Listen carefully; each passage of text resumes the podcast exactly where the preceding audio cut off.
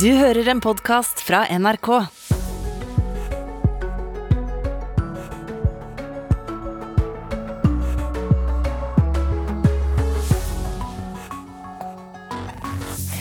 Mange tusen elever kan bli rammet av lærerstreiken når skolene starter opp igjen. Nå må arbeidsgiverne forstå alvoret, sier leder i Utdanningsforbundet. Da kan dette bli en langvarig konflikt som vil ramme barn og unges utdanning. Og det trenger vi overhodet ikke nå.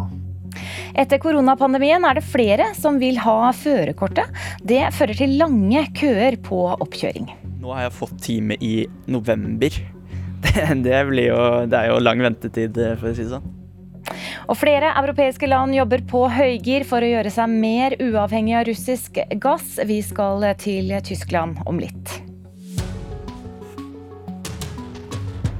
Ja, god torsdag. Dette er Nyhetsmorgen i NRK, og jeg heter Ida Kjøstelsen. Vi starter med at eh, mange tusen elever kan altså bli rammet av lærerstreiken når eh, skolene starter eh, opp igjen neste uke. Streiken starta allerede før sommeren, og snart kan flere lærere bli tatt ut i streik. Og den kan bli langvarig, det sier leder i Utdanningsforbundet, Steffen Handal. Dette er en streik som vil kunne ramme titusenvis av elever. Så potensialet her er veldig stort, og jeg håper at KS innser alvoret. Og at de også bidrar til å skjerme barn og unge som allerede har vært gjennom to år med en eh, mindreverdig utdanning. Men eh, hvis KS ikke kommer med penger inn, hva da? Nei, Da kan dette bli en langvarig konflikt som vil ramme barn og unges utdanning. Og det trenger vi overhodet ikke nå. Det sier Utdanningsforbundets leder Steffen Handal til NRK. Lærerstreiken startet 8. juni med unntak av Oslo, der partene kom fram til avtale. Så langt er det i overkant av 40 medlemmer fra de tre streikende lærerorganisasjonene som er tatt ut i arbeidskonflikten med kommunenes organisasjon KS. Denne uken meldte Norsk Lektorlag inn opptrapping med ti medlemmer fra 15. august, og nå, tett på skolestart, spisser det seg altså til. I går var det møte i streikekomiteen i Utdanningsforbundet, opptrappingsplanen er klar, men holdes fortsatt hemmelig inntil KS blir informert om streikeuttaket. Det er KS sitt ansvar når de for sjette år på rad nedprioriterer lærernes lønnsutvikling men ifølge KS har de nyutdannede lærerne fått uh, flere titalls tusen i tillegg. Hvorfor sier dere nei til det? Dette er ren tåkelegging fra KS. De underslår det faktum at det er veldig få arbeidstakere i de gruppene som de her snakker om. Eh, de vet veldig godt at eh, det hadde vært nødvendig med et løft for de med lengst utdanning og lengst ansiennitet. Etter to år med pandemi og redusert læringsutbytte for mange av landets elever, kan altså den pågående lærerstreiken føre til at titusenvis av skolebarn og deres foresatte rammes. Tidligere denne uken sa direktør for arbeidsliv i kommunenes organisasjon KS, Tor Arne Gangsø til NRK, at det ikke er mer å gi, og at lærerne har fått, etter KS sin oppfatning, et godt tilbud. Etter streikemøtet i Utdanningsforbundet i går fastslår Gangsø nå at situasjonen virker like fastlåst som da streiken startet 8.6. Det er ingen tvil om at det er de som tar ut medlemmer i streik, som må ta ansvar for konsekvensene. Har dere noe å gi? Nei, som sagt så har jo vi inngått en avtale med så godt som alle organisasjonene. Vi har hatt en tilslutning fra hele Kommune-Norge. Så vi har ingenting mer å bidra med. Vi har lagt mye penger inn i dette oppgjøret. Vi la mer penger inn i dette enn det industrien la til grunn når frontfaget ble etablert. Så vi har brukt opp pengene. Ja, Reporter her var Eirik Ramberg. Og skolestart det betyr også gjerne nytt eh, skoleutstyr. Men med en prisøkning på nesten alt i samfunnet, så kan det bli vanskeligere for foreldre å kjøpe nettopp dette nye utstyret. Særlig kan dette være vanskelig når man er eh, alene om utgiftene. Og Aleneforeldreforeningen har merket en stor økning i antall telefoner den siste tida. Velkommen Katrine Austerheim, du er leder i eh, Aleneforeldreforeningen. Og dere får mange henvendelser akkurat nå. Hva er det foreldre forteller? Nei, De forteller jo akkurat det du nevner nå. Ehm, det er jo et stort press på at man skal ha utstyr til skole. Det sies jo at i Norge så er skolen gratis, men den er jo ikke det. Én ting er jo skolesekker og pennal, og for de som begynner på videregående, så er det jo PC og sånne ting også. Sånn at det er, det er jo en kostnad for foreldrene som eh, de per i dag da ikke har mulighet til å kunne dekke i så stor grad som de har gjort før. Og Hva slags historier får dere høre fra foreldre da, som eh, kanskje er alene og, og ringer? Nei, det er jo mange. Ehm, det er jo sånn at eksempelvis for de som begynner på videregående som da trenger eh, PC, så kan man jo søke om stipend, men er man alene, eh, eller er man da som aleneforelder, så regnes den andre partens inntekt i forhold til stipend. Sånn at hvis den ene tjener da for mye, eller det samlet blir for mye, så får man ikke stipend. Eh, og det slår jo skjevt ut for den som eventuelt da sitter med, med hovedomsorgen. Og yngre barn som uh, kanskje gjerne vil ha nytt utstyr fordi uh, venner har fått det. Hva, hva sier foreldre her? Nei, Jeg hadde jo en ganske hjerteskjærende historie med en alene far med tre barn, hvor eldste begynte på skolen, eller skal begynne på skolen nå, og begynte på SFO. Han hadde ikke mulighet til å gå til å kjøpe nytt utstyr, så han fikk arvet en sekk, og sønnen var glad og fornøyd over den. Kommer hjem fra første dag på SFO gråtende fordi at han rett og slett blitt mobbet fordi at sekken var brukt. For alle skal jo ha ny sekk til skolestart. Det er, det er vondt å høre. Det er ikke sånn det burde være. Hva gjør denne faren? Nei, det han gjorde, det var at han tok makset kredittkortet sitt og gikk og kjøpte en ny sekk med nytt pennal. Og man kan si at det er lite fornuftig å gjøre, men samtidig Det er vondt å se at barna eh, faller utenfor. Men folk vet jo også uh, Austrheim, at det kommer ekstrautgifter med nettopp det å ha barn. Mm. Ja da, og det er jo mange som sier det at hvis du ikke har råd til å ha barn, så burde du ikke få det. Men man velger jo sjelden å være alene. Sånn at det, det, det, faller på en måte bort, den biten der. Og det er klart, de fleste som har hatt buffere tidligere, de har det ikke lenger. Eh, utgiftene har økt såpass mye at det er, eh, det er vanskelig å ikke bruke av oppspurte midler for å kunne fungere i hverdagen. Er det noen steder i landet dere får flere henvendelser fra enn eh, andre steder? Det er mest i de store byene.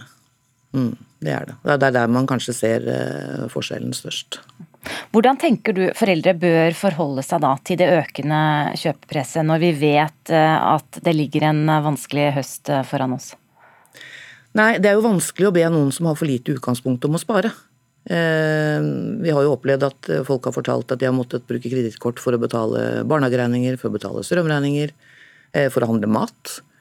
Eh, men for de som har nok, så tenker jeg at en holdningsendring kunne være på sin plass. Det er ikke dumt å la barna få lov til å oppleve at de må vente på å få en ting, til eksempelvis bursdag eller jul. Eh, at man kan ha en større åpenhet om at å bruke brukt ting er bra. Det er jo også bra for miljøet. Eh, så jeg tenker det at eh, ja, få en litt annen vinkling på ting, og ikke legge så stort press på barna. For det presset som barna utøver på hverandre, det kommer ikke fra barna selv. Det kommer til syvende og sist fra foreldrene. Og hvor alvorlig er situasjonen for mange aleneforeldre nå?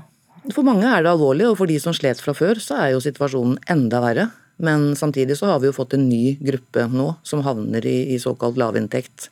Eh, rett og slett fordi at prisen har økt så mye og at bufferen er brukt opp. Mm, og som rett og slett kanskje gruer seg til skolestart?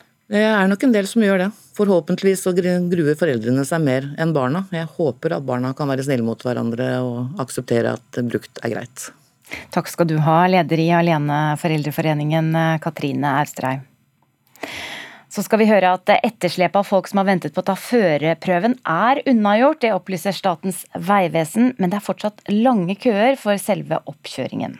18 år gamle Sebastian Egebakken Svennøy er ferdig med nesten alle kjøretimene, men må vente til november med å kjøre opp. Nei, Chris, her syns jeg er ganske ekkelt når man sykler. Ja, er det så mye som skjer? Ja, liksom. Så kommer den der. Pass på. Det er ikke bare Sebastian og moren Henriette Egebakken som synes at rundkjøringen ved Bislett stadion er litt stressende. Nå har Sebastian få kjøretimer igjen, men det er fortsatt lenge til oppkjøring. Nå har jeg fått time i november, så det er jo um, litt over tre måneder til, om jeg ikke tar feil. Så det, det blir jo Det er jo lang ventetid, for å si det sånn. Hvis du skal oppkjøring i november, så må du kanskje en time før november? Da. Ja, vi, vi, tenkte også kanskje ja, man, det er jo smart å ha noen timer før oppkjøring også. Ja, det sa han jo. At det er smart. Selv om Ja.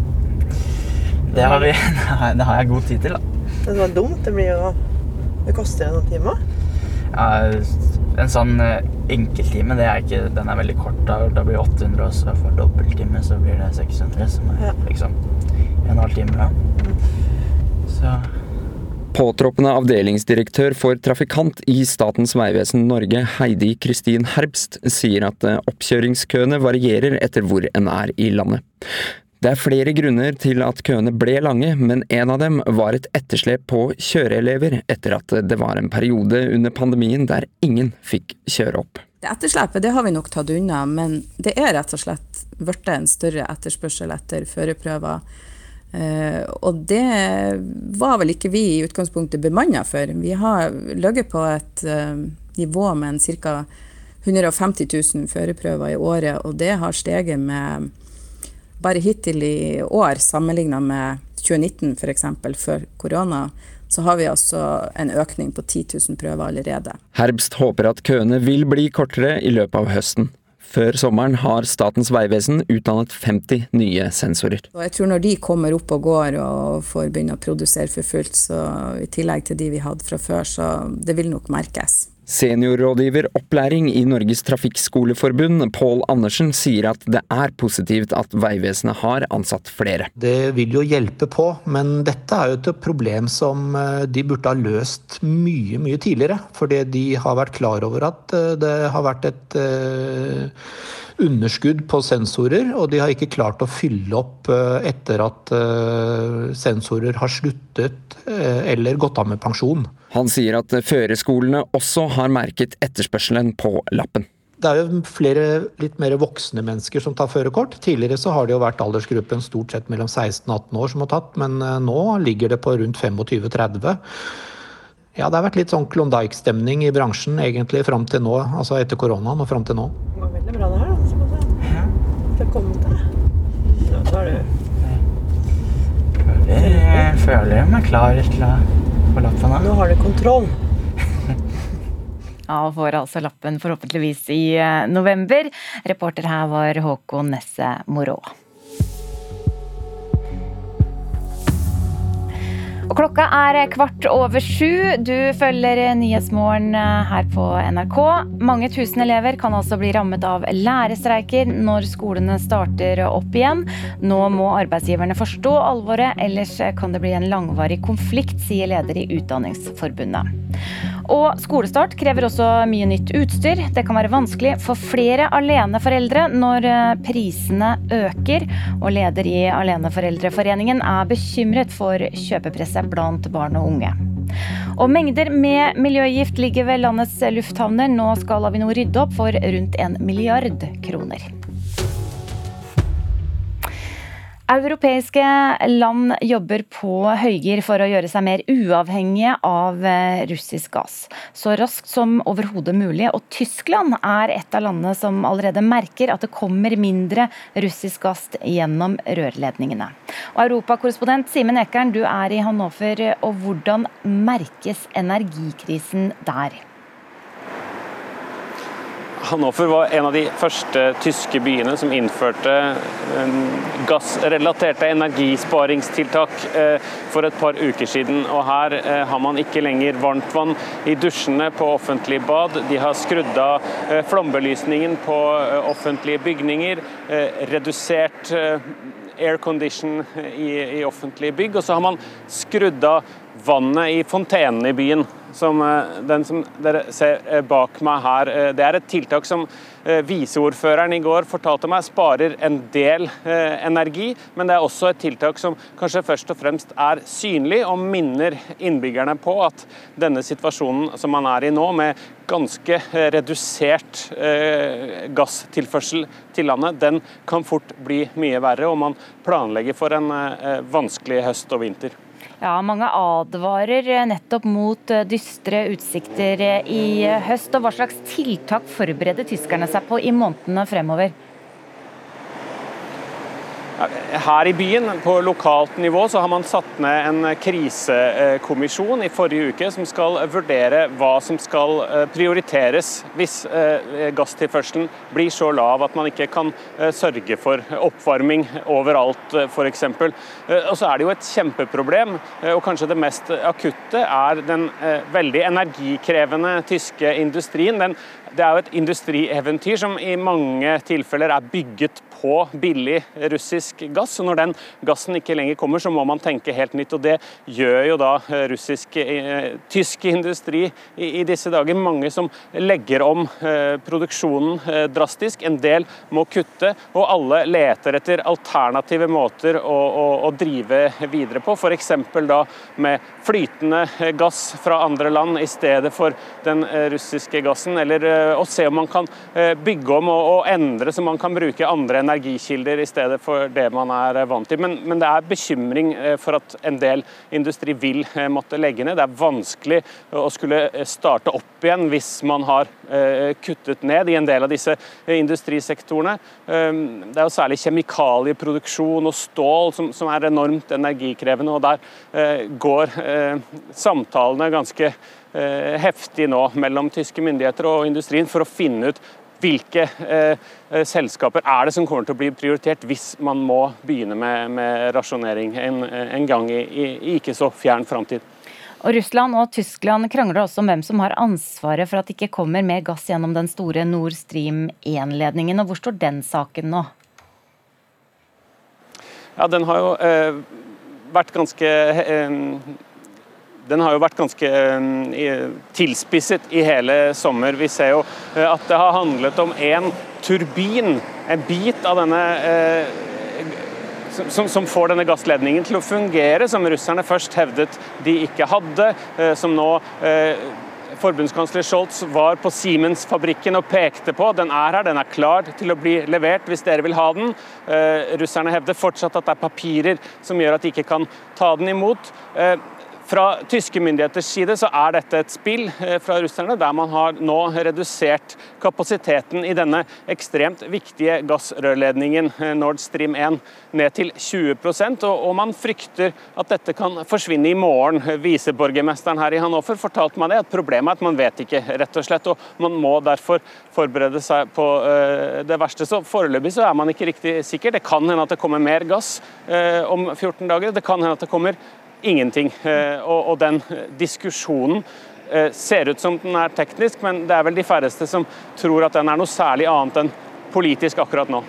Og Denne uka trådte en EU-avtale om energisparing i kraft, der medlemslandet skal kutte gassbruken med 15% fra nå til mars sammenlignet med året før. Eh, kort til slutt, Simen Ekern, kommer de til å klare det, og holder det?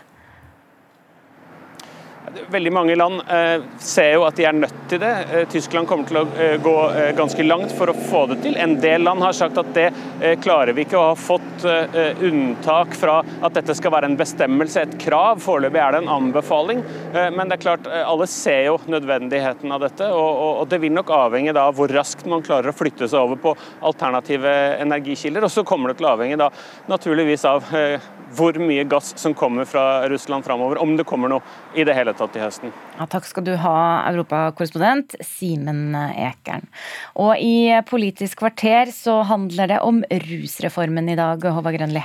Ja, Det var heite debatter om den i vår, og debatten har jo til dels holdt fram i sommer. Vi har bl.a. hørt eh, Riksadvokaten i dette sommerkvarteret som vi har hatt, ytre seg med liberale synspunkt om rus og straff.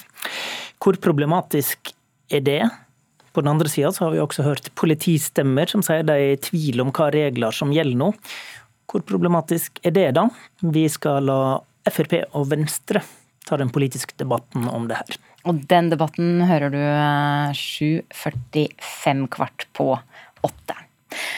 Bruktbutikker popper opp i ulike former for tida. Noen drives av ildsjeler som jobber uten lønn. I Kristiansand står pensjonister bak et helt spesielt eh, bruktsalgskonsept.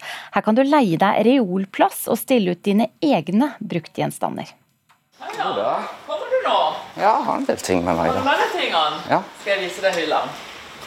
Det er ei ledig hylle i bruktbutikken. Og Shimon fyller opp reolen med ting han har samla på gjennom ti år. Jeg tenkte hvorfor ikke å bare låne en hylle og så selge en god del ting som jeg ikke trenger lenger, og ikke har tenkt på lenger og ikke har noen grunn til å eie. I denne butikken på Lømber i Kristiansand kan du leie en reol for noen hundrelapper, og sjøl sitte igjen med inntektene. Vi har til dags dato uh, ventelister enda, og vi starta jo samtidig som koronaen kom. Så um, til tross for det, så, så, har vi, så, har vi, hatt det greit her nede. Unikt, egentlig. Eh, før dette stedet dukka opp, så tror ikke jeg noe lignende eksisterte i Agder. MHT, bruktsalg og reolutleie, er en ikke-kommersiell virksomhet. Og det er det sosiale som står i fokus. Når du slutter å jobbe og da istedenfor å sitte hjemme, så kan du si det er og treffe folk. Ja. Det er faktisk min første kamera jeg kjøpte. Er det sant? Og så har ja. du hjerte til å selge det? Ja. Det er en gammel sag. Ja. Det var jo veldig fint at det pynt. Ja, det er et fransk kamera, tror jeg. Mette Ingebretsen liker folk og elsker brukte ting. En ny reolutstiller er alltid spennende. Ja, det er alltid gøy. Og, og det syns de som, som, går i butikken òg. Mm. Uh, mange av de sier det. Du, er det noen nye hyller siden sist jeg var der? så det, det, er jo artig. Veldig gøy for oss når vi får noe nytt. Og dette er litt mer sånn uh, mannsdominerte ting. Uh, og det trenger vi. Vi har, vi har ikke overvekt av det, liksom. Det er gøy. Vi skal ta og legge ut noen bilder på nettet i ettermiddag. Mm. Siden vi er oppe i morgen. Det skal jeg. Ja, det er gøy, dette. Ja. Det er spennende å se. Du må hjem og hente litt til. Det er enda litt ledig plass her. Ha? Ja, du møtte Mette Ingebretsen og Tor Einar Rønning ved MHT bruktsalg og reolutleie. Og selger var Simon Kopek. Reporter Anne Wishing. Så skal vi høre at et stort opprydningsarbeid er startet opp ved norske lufthavner. For ved brannøvelser har man tidligere i flere tiår brukt et skum som inneholder miljøgift. Nå har Avinor fått beskjed om å finne ut hvor mye forurensning det er på lufthavnene, og hvordan de skal rydde opp. Alta, Kirkenes og Tromsø er blant de lufthavnene hvor man skal rydde opp først jeg kan si at Alta har jo blitt utvalgt som en av de ti lufthavnene her, av de 44, der vi tror at det er størst risiko for eh, omkringliggende miljø, eller at det er så store mengder som ligger her at vi må ta, ta det i første omgangen med opprydning. Miljøgiften PFAS er skadelig for mennesker, fisk og dyr, og spres godt i vann. I Alta er det påvist høye verdier av stoffet i både torsk og blåskjell. Like ved forurensinga er munningen til den populære Altaelva. Forurensinga var ikke noe forvalterne av elva visste noe om. Det har vi overhodet ikke vært informert om, så det er nytt for oss. Det problemstillinga. Sier Bent Håvard Romsdal, som er nestleder i Alta laksefiskeri interessentskap. Konsentrasjonen av miljøgiften er lavere i fisk som går opp i elv og ut i fjorden, så villaksen er til nå aldri blitt undersøkt i forbindelse med forurensninga på lufthavnen. Forhåpentligvis eh, påvirker det ikke villaksen, og så er det jo et uh, uromoment at det kan påvirke ørret og sjøørret. Innen mai neste år må planen for hva man skal gjøre med problemet i Alta være levert. Avinor og Miljødirektoratet har blitt enige om en plan der Avinor skal rydde opp i 14 flyplasser på syv år.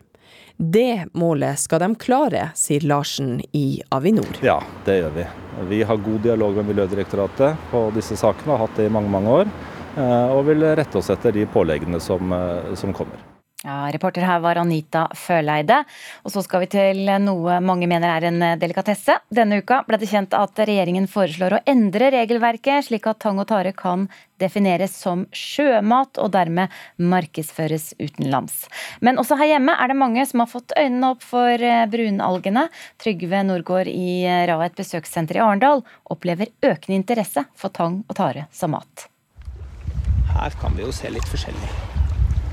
Bor du i Arendal Skulle funnet sagetang òg, da. Eller i en hvilken som helst annen norsk kystby trenger du ikke gå mange meterne før du finner tang og tare. Her, vet du, Dette her er eh, en gammel kjenning. De har de fleste sett. Dette er blæretang. Det er den som har masse sånne flyteblærer på seg. Daglig leder Trygve Norgård i Rae besøkssenter i Arendal er lektor i biologi, og opptatt av det som rører seg i fjæresonen. Typisk sånn kaste i, i panna og frese. Så kan du få litt sånn knekk i de, og så blir de salte og gode. Han merker en økende interesse for tang og tare som mat. Alle tang- og tareartene det er folk veldig opptatt av. De vil lære, de vil se på bilder av absolutt alle sammen. De vil vite hvordan de forskjellige kan bli tilberedt. Gjennom året har Norgård flere kurs av typen Havets salatbar, lær mer om hva som er spiselig i tarens verden, og mat fra fjærsonen. De blir raskt fullbooka. Hvis du eh, setter opp noe som har med tang og tare å gjøre, ser hvordan man kan tilberede, hvordan man kan spise, så er folk eh, på med en gang. Og de, de møter jo opp eh, for å lære å ha det fint, selvfølgelig, men også fulle av spørsmål. De lurer på hvordan kan jeg gjøre det, hva er det beste, hvilke arter er best å ta, er det noen som er bedre enn andre, er det noen som har mer næringsinnhold enn andre. Folk stiller ferdig forberedt med spørsmål, så folk har åpenbart vært interessert hjemme før de kom på kurs, og det er kjempegøy. Ja, Hva tror du er årsaken til denne interessen? Jeg tror det er et eh, engasjement eh, for morgendagens mat. At folk har blitt litt mer sånn De veit at noen av maten vi produserer kanskje ikke er så bærekraftig. Og så ser de andre veier, da. Hvordan kan jeg begynne å utnytte ting? Og så når de starter, så er det spennende i tillegg. Plutselig så er det nye matopplevelser og en helt ny matverden som åpner seg. Så det blir en blanding av noe positivt og noe som er, noe som er godt og spennende. Ja, Trygve Nordgård, dette her til reporter Miriam Grov. Nå er klokka 7.30 straks, og vi skal slippe til Dagsnytt. Mange tusen elever kan bli ramma av lærerstreiken. Flere land vil hindre russiske turister å feriere i Europa. Og veit du hva tamponger er laga av? Forsker ble sjokkert da han hørte svaret. God morgen, her er NRK Dagsnytt klokka er 7.30. Når skolene starter, kan mange tusen elever bli rammet av lærerstreiken. Streiken starter allerede før sommeren, og snart kan flere lærere bli tatt ut i streik. Og han kan bli langvarig, sier leder i Utdanningsforbundet Steffen Handal. Dette er en streik som vil eh, kunne ramme titusenvis av elever. Så potensialet her er veldig stort, og jeg håper at KS innser alvoret og at de også bidrar til å skjerme barn og unge som allerede har vært gjennom to år med en eh, mindreverdig utdanning. Men eh, hvis KS ikke kommer med penger inn, hva da? Nei, Da kan dette bli en langvarig konflikt som vil ramme barn og unges utdanning. Og det trenger vi overhodet ikke nå. Lærerstreiken startet 8.6 med unntak av Oslo, der partene kom fram til avtale. Så langt er det i overkant av 40 medlemmer fra de tre streikende lærerorganisasjonene som er tatt ut i arbeidskonflikten med kommunenes organisasjon KS. Denne uken meldte Norsk Lektorlag inn opptrapping med ti medlemmer fra 15. august, og nå, tett på skolestart, spisser det seg altså til. I går var det møte i streikekomiteen i Utdanningsforbundet, opptrappingsplanen er klar, men holdes fortsatt hemmelig inntil KS blir informert om streikeuttaket. Det er KS sitt ansvar når de for sjette år på rad nedprioriterer lærernes lønnsutvikling. Direktør for arbeidslivet i KS, Tor Arne Gangsø, slår på sin side fast at det er den streikende part som må ta ansvaret for konsekvensene av streiken. Vi har ingenting mer å bidra med. Vi har lagt mye penger inn i dette oppgjøret. Vi la mer penger inn i dette enn det industrien la til grunn når frontfaget ble etablert. Så vi har brukt opp pengene. Reporter Eirik Ramberg. Mange millioner kvinner bruker tamponger hver måned, men ikke alle vet hva de er laga av. Det er nemlig ikke et krav for produsentene å skrive dette på pakken. Nei, det er sikkert all slags ting oppi. Jeg vet ikke. Plastikk. Plastikk. Hva tenker du at tamponger inneholder?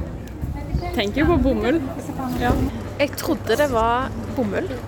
For jentegjengen fra Stavanger er det ikke lett å finne ut hva tampongene de bruker, er laga av. Det er nemlig ikke juridisk påkrevd for tampongprodusentene å skrive ingrediensene sine på emballasjen.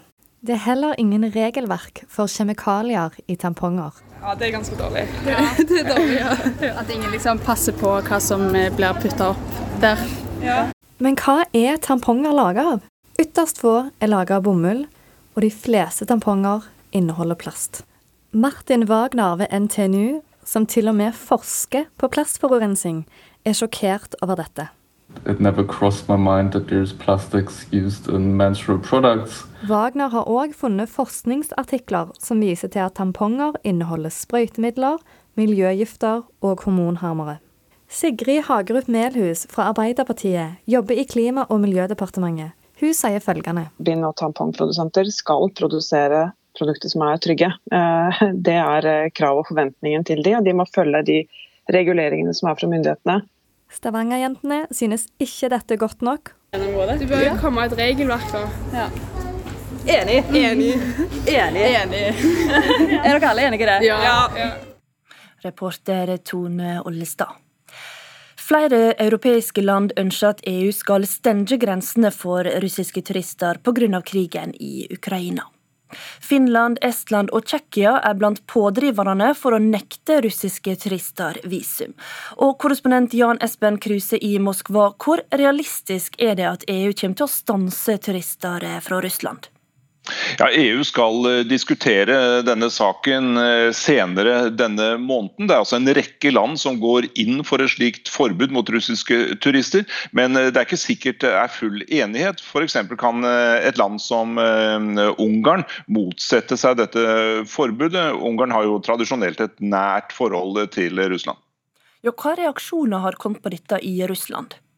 Ja, Det er veldig stor omtale av denne saken i uh, russiske medier. så det er helt klart at uh, For uh, russerne så har dette, denne saken en veldig stor symbolsk betydning. Det å eventuelt bli nektet innreise for alle russiske turister til Europa. Men president Vladimir Putins talsperson han sier at det er helt umulig å isolere et kjempestort land som Russland og den russiske befolkningen fullstendig fra Europa. Men kan Norge òg komme til å stenge grensene for russiske turister? Ja, eh, Det norske utenriksdepartementet sier til NRK at dette neppe er noe Norge vil gjøre på egen hånd. Eh, men hittil så har jo Norge fulgt EUs eh, e straffereaksjoner mot, mot Russland pga. Ukraina-krigen. sånn at det kan tenkes at Norge vil, vil følge dersom det blir virkelig et bredt EU-forbud mot russisk turisme. Korrespondent Jan Espen Krysse i Moskva. De som skal ta førerkort, kan måtte vente flere måneder før de får kjøre opp. Etter pandemien har flere sett behovet for å ha lappen enn tidligere. 18 år gamle Sebastian Egebakken Svenøy er ferdig med nesten alle kjøretimene, men må likevel vente. Chris, her syns jeg er ganske ekkelt når man sykler. Ja, hva er det som skjer? Ja, liksom. Så kommer den der. Pass opp. Det er ikke bare Sebastian og moren Henriette Egebakken som synes at rundkjøringen ved Bislett stadion er litt stressende. Nå har Sebastian få kjøretimer igjen, men det er fortsatt lenge til oppkjøring. Nå har jeg fått time i november. Så det er jo um, litt over tre måneder til, om jeg ikke tar feil. Mens de øvelseskjører, undrer moren til Sebastian på om lappen blir enda dyrere når det er lenge til oppkjøring. Det koster en time? Ja, en sånn eh, enkelttime, det er ikke, den er veldig kort. Da, da blir det 800, og så for dobbelttime så blir det 600. Som er ja. liksom en halv time. da. Påtroppende avdelingsdirektør for trafikant i Statens vegvesen Norge, Heidi Kristin Herbst, sier at eh, oppkjøringskøene varierer etter hvor en er i landet. Men det er særlig mange i kø i storbyene. Det er rett og slett blitt en større etterspørsel etter førerprøver. Bare hittil i år, sammenligna med 2019 f.eks., før korona, så har vi altså en økning på 10 000 prøver allerede. Herbst håper at køene vil bli kortere i løpet av høsten. Før sommeren har Statens vegvesen utdannet 50 nye sensorer. Seniorrådgiver opplæring i Norges Trafikkskoleforbund, Pål Andersen, sier at det er positivt at Vegvesenet har ansatt flere. Det vil jo hjelpe på, men dette er jo et problem som eh, de burde ha løst mye, mye tidligere. Jeg føler meg klar til å få lappen av. Nå har du kontroll. Reporter her var Håkon Nesse Moro. Bilene som blir solgt i Norge har blitt større, men parkeringsplassene er fremdeles små. Dette merker en godt i nye boligblokker, der stadig flere havner i konflikt med utbygger fordi parkeringsplassen er for trang. Hovedproblemet her er jo at det er for trangt. Vi mangler en meter. Tor Sommervold på Reppe i Trondheim har blitt god på å manøvrere sin Rav 4 i garasjen i boligkomplekset. For søylen han må passe seg for er farlig nær bakdøra. Løser det med at jeg har en veldig god nabo. Det medfører jo at han må gå kjøre inntil veggen for at den i hele tatt skal komme seg ut av sin egen bil. Stadig flere opplever dette. Bare de siste årene har fagfolk fra Sintef blitt kalt inn som sakkyndige i et tjuetalls rettssaker, der beboerne har havna i konflikt med utbygger fordi parkeringsplassen er for trang. Vi har sjekka alt som ble solgt av nye biler i 2020 og 2021. Og det som da er såkalt dimensjonerende personbil, eh, viser seg å ha økt i bredde 10 cm. Det sier Anders Kirkhus, seniorrådgiver i Sintef Community. De jobber derfor nå med å revidere Byggforsk-serien, der de anbefaler hva som bør være størrelsen på en parkeringsplass. Når bilene blir større, så er det jo kanskje ikke vanskelig å gjette på at eh, parkeringsplassene også bør bli større. På Reppe i Trondheim har beboerne inngått forlik om prisreduksjon, men utbygger er ilagt tvangsbøter inntil tiltak er gjort som gir bedre plass for bilene. Dette er det første eksempelet hvor eh, det er blitt eh, gitt tvangsbøter. Det sier advokat Elling André Lillefur. Han mener plan- og bygningsloven bør sørge for at parkeringsarealet i nye blokker fungerer for dagens bilpark. Når det først har blitt ille, så er det bedre at en sperrer bakdøra enn at en sperrer døra her, da, kan du si. Reporter her var Grete Tobro. Og ansvarlig for Dagsnytt denne morgenen, det er Eline Pettersen. Jeg heter Marte Halsør.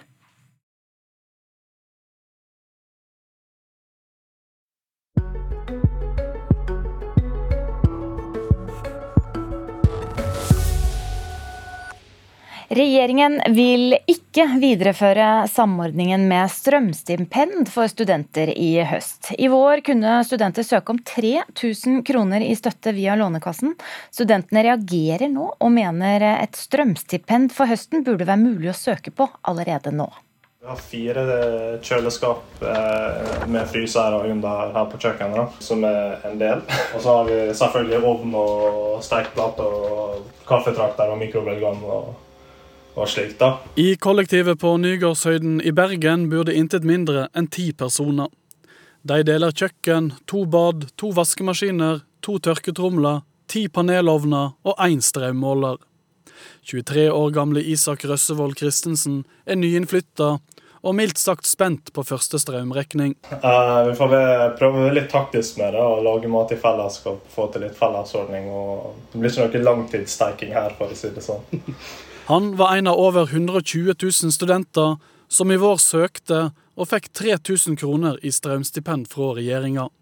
Men nå, få dager før studiestart, må han se langt etter ei lignende ordning i høst. Foreløpig er ikke det på bordet, nei. Sier Signe Bjotveit, som er politisk rådgiver for statsråd Ola Borten Moe fra Senterpartiet. Den treffer ikke like godt som når vi regulerer etter hvem som faktisk har fått høyere strømstøtte. Og det er jo alltid bedre å havne inn i den store støtteordninga til resten av samfunnet, enn å ha egne særordninger som ikke treffer like godt. Regjeringa viser til at de fra 1.9 uansett øker strømstøtten for alle, der staten skal kompensere 90% av strømprisen over 70 øre per kilowattime. Per dags dato er det viktigere for oss å styrke den generelle støtta som alle husholdninger får, og studentene. Studentpolitiker Ida Steinsland Lutro i Velferdstinget Vest reagerer og mener ordninga med strømstipend allerede burde vært på plass for høstsemesteret. Jeg synes det er veldig problematisk. Altså, vi ser jo det at Strømstipend er jo like nødvendig nå, om ikke mer, enn det det var i vår. Vi ser jo hva vei strømmen går. Det blir jo bare dyrere og dyrere. De kan ikke vente til langt ut på høsten, langt ut på semesteret for å få på plass en sånn ordning. Vi må både sikre at studentene får strømstøtte for å løse den kritiske situasjonen vi ser her og nå. og Der forventer vi at det kommer en løsning raskt. Sier leder i Norsk studentorganisasjon, Maika Godal Dam. Foreløpig er vi opptatt av at studenter går inn i den støtta som alle husholdninger får, som vi nå har varsla at vi kommer til å forsterke. Sånn at vi er opptatt av at vi har tiltak som kan treffe de som faktisk har fått høyere strømutgifter i denne perioden. Hva skal til for at det snur i denne saken, da? Det blir altfor tidlig å si noe mer om nå. Vi går inn, inn på badet. Så vi, vi har tørketrommel og vaskemaskin og greier. Og de går nå uh, veldig jevnt med tanke på at det her er ti stykker som bor. I timannskollektivet til Isak Røssevold Christensen er panelovnene førebels helt kobla fra. Den siste veka har strømprisen i Bergen stabilisert seg på like over tre kroner kilowattimen. Tror du at du kommer til å bli avhengig av en sånn, en sånn type støtte i, i høst òg, sånn som strømprisene ser ut til å utvikle seg? Ja, det vil jeg tro. Uh, at det vil hjelpe, i hvert fall om, hvis ikke jeg må tvinge til å jobbe, jobbe mer enn det som er ønskelig, da, for å dekke ekstrautgiftene. Men eh, hvis at det går samme trenden som i fjor, så kommer det til å bli dyrt. Så alt ekstra kom, kommer til nytte. da. Ja, Det sa Isak Røssevold Christensen, og reporter her var Jon Bolstad.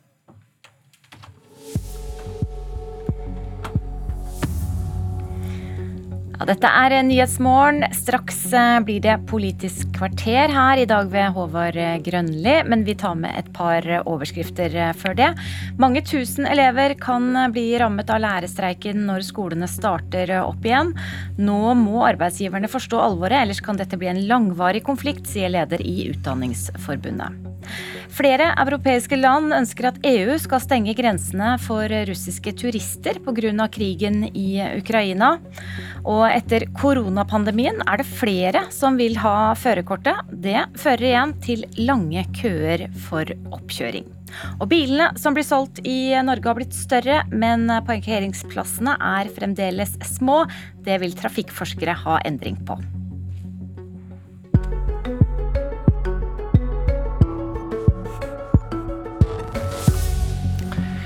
Er det et problem at Riksadvokaten kommer med liberale synspunkt på rusreformen? Har politiet grunn til å være forvirra om hva regler som gjelder om dagen? Dette ser Frp og Venstre høgst ulikt på. God morgen og velkommen til Politisk kvarter, der det skal handle om rusreformen, som altså var oppe til behandling uten å bli vedtatt i Stortinget. Men som likevel har fått konsekvenser ved at Høyesterett har tolka politiske signal og gitt straffritak for rusavhengige, og ved at Riksadvokaten har sendt ut føringer til politiet om å være tilbakeholdne med å etterforske rusavhengige som har stoff på seg. I juli har denne sendeflata sendt politiske intervju i Sommerkvarteret. Og der snakka riksadvokat Jørn Maurud om rus og straff. Altså, vi har hatt en visjon om et sånn eh, nullvisjon, narkotikafritt samfunn. Eh, det har jo ikke fungert. Er det naivt?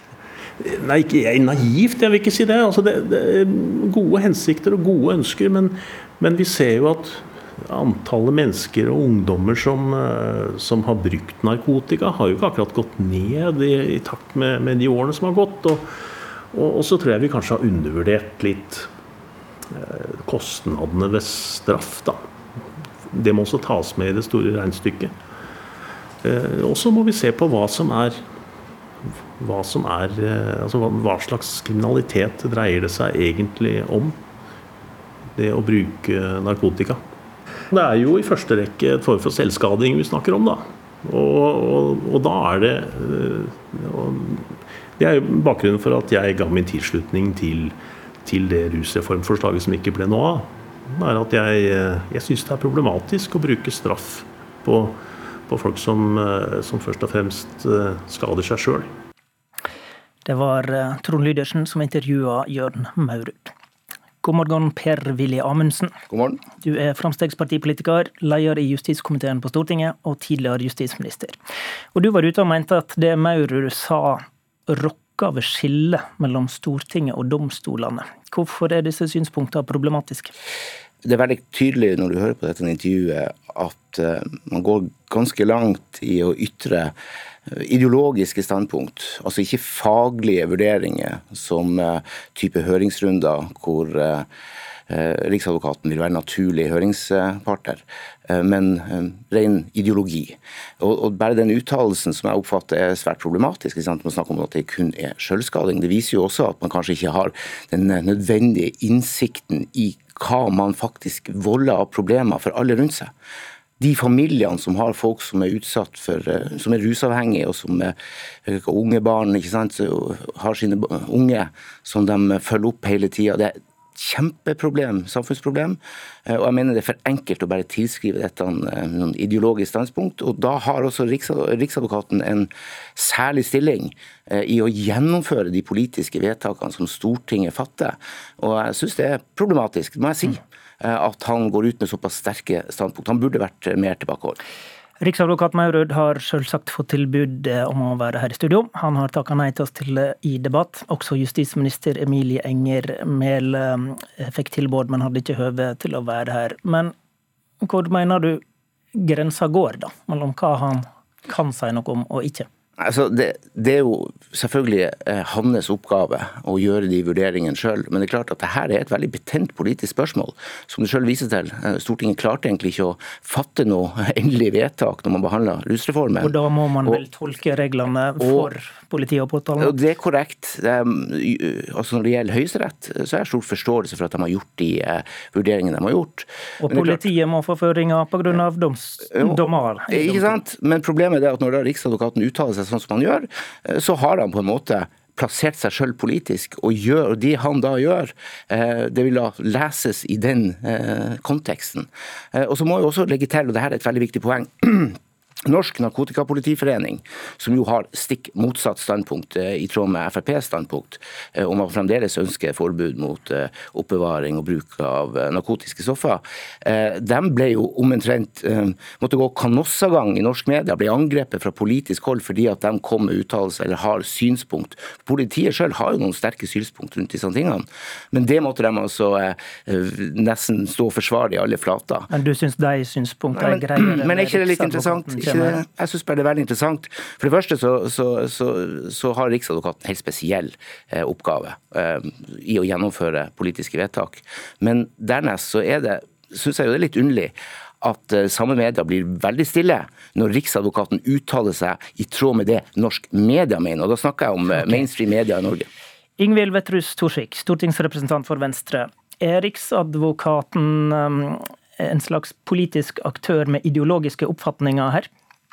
Nei, altså Det første som man tar feil i her, er jo at det, det, er jo ikke ideologiske ytringer som Riksadvokaten kommer med, det er jo faglige vurderinger. Han støtter jo opp Eh, om eh, den forskningen som vi har på, på, området allerede. Så det er ikke ideologi som han, eh, han, driver med. Det er ingen empiri eller forskning som tilsier at straff fungerer for å få ned rusbruk.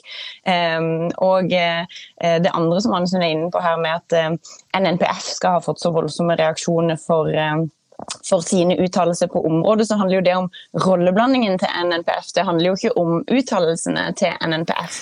For det er jo nettopp dette som er eh, eh, oppgaven til Riksadvokaten. Et lite øyeblikk. Eh, nå, tenkte jeg egentlig ikke denne debatten skulle handle om NNPF, men, men roll, stikkordet rolle er jo viktig her. Hvor mener mm. du eh, tidspunktet inntrer der Riksadvokaten går utover sin rolle, da? Nei, men altså Det Riksadvokaten sier, samsvarer jo også med høringsuttalelse i forbindelse med rusreformen.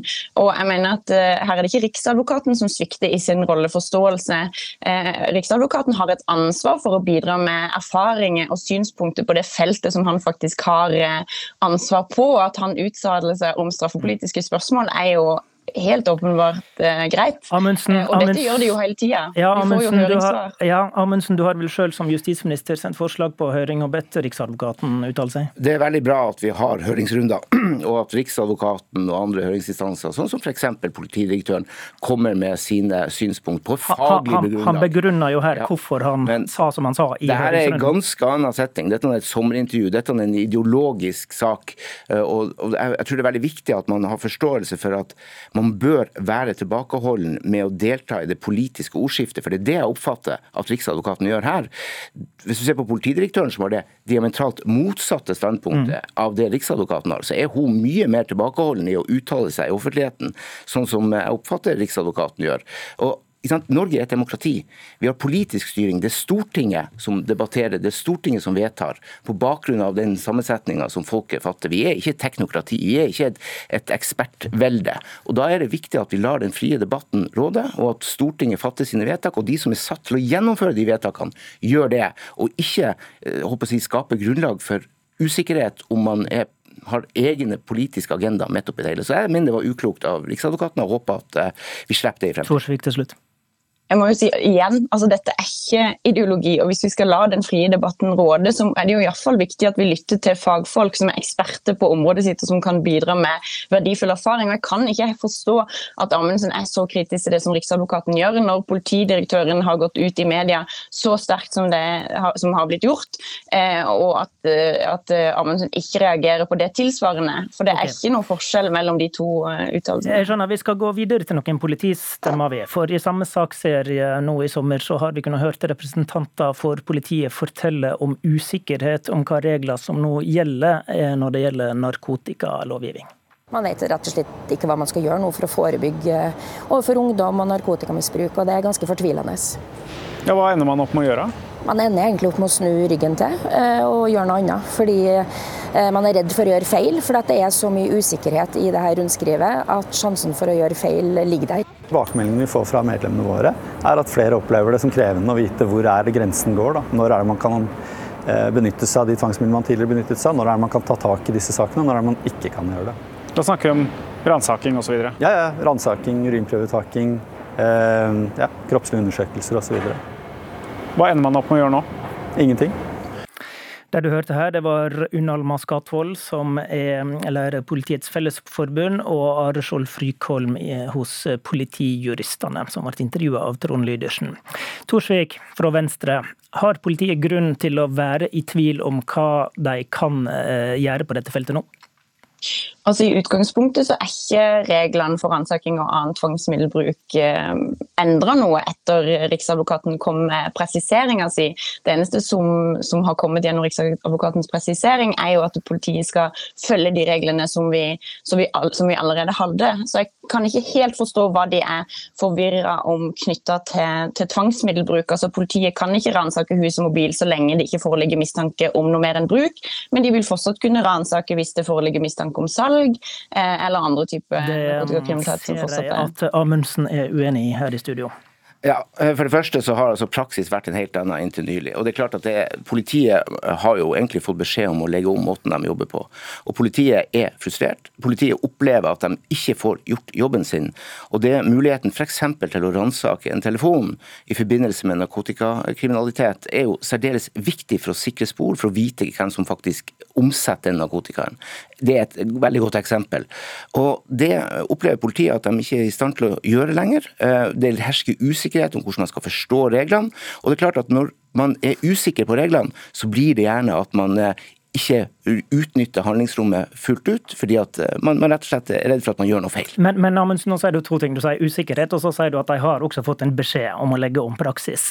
Og, og da viser du jo egentlig til et rundskriv fra mm, Riksadvokaten. Mm, og bør en ikke egentlig, som er tydelig på at en ikke skal, skal f.eks. undersøke mobil og ransake hvis det bare er snakk om, om, rusavhengige, bør en ikke kunne forvente at politiet bare innretter seg etter det, da, i stedet for å argumentere med sin egen forvirring? Ja, utifra, eh, jo, Det er jo det som skjer, at, at de, de, altså de, de ransaker ikke lenger. De gjør ikke det, men i noen situasjoner så kunne de ha gjort det når de ikke gjør det. og Det er rett og slett fordi at det er ikke tydelig nok de, det regelverket som er lagt til grunn. og Det er derfor jeg sier Stortinget må ta stilling til dette. Justiskomiteen og Stortinget er nødt til å få en sak som vi kan behandle, sånn at vi kan trekke disse grensene tydelig. Og Det er altså et kjempestort problem. Narkotikakriminalitet, organisert kriminalitet, gjengkriminalitet, særlig i hovedstaden, er et kjempeproblem. Og nå er altså politiet i Oslo eh, og i landet for øvrig dårligere skikka til å kunne håndtere og stoppe organisert kriminalitet. Det er skummelt. Torsvik, det er en kraftig nedgang i tallet på politibeslag av narkotika. Er, er det bra? For det første så er det ikke en kraftig nedgang hva angår grov narkotikakriminalitet. Det vil si at eh, de som driver med salg, import og den type ting fortsatt straffes. Eh, det at tallet går ned på eh, ordinære narkotikabeslag har jo sammenheng både med at man vi skal ha fått rydda opp i praksisen hva angår ulovlige ransakinger og annen tvangsbruk. Nettopp, og derfor spør jeg, er det bra? Altså, jeg tenker jo at Det er bra i de tilfellene. Altså, vår rusreform har jo gått ut på at vi skal gå fra å straffe til å hjelpe. Det er ingen empiri som tilsier at straff eh, hjelper i det hele tatt, så hvorfor skal vi fortsette å straffeforfølge ja, folk som går rundt med Svaret ditt er ja da, det, det er bra. Ja, I de tilfellene hvor det er snakk om at folk har en brukerdose, så tenker jeg at det er helt riktig. Og så kan jeg skjønne men, men, at det kan men, være vanskelig for politiet å eh, skille mellom hvem som er rusavhengig og ikke. Altså, nå har det jo eh, kommet retningslinjer etter dommen fra Høyesterett eh, knytta til at eh, du eh, skal ikke straffes dersom du, eller, eller politiet skal heller ikke etterforske det dersom du har en rusavhengighet. Og at det kan være vanskelig å skille på. Det kan jeg godt forstå på politiet, men det er jo det som er utfordringa med at vår rusreform ikke ble eh, vedtatt. Nettopp fordi at nå får vi stykkevis og delt eh, politikk heller enn en helhetlig reform med fokus på hjelp. Amundsen, er ikke dette egentlig gavepakke til politiet? da? De har trange ressurser, nå kan de droppe å bruke tid på dette, heller prioritere viktigere kriminalitet? Det er faktisk et prioritert Eh, formål å bekjempe organisert kriminalitet. Og Det handler om narkotikakriminalitet i stor utstrekning. Det handler om gjengkriminalitet i Oslo. Det handler om en farlig utvikling som vi ønsker å stoppe med alle lovlige midler.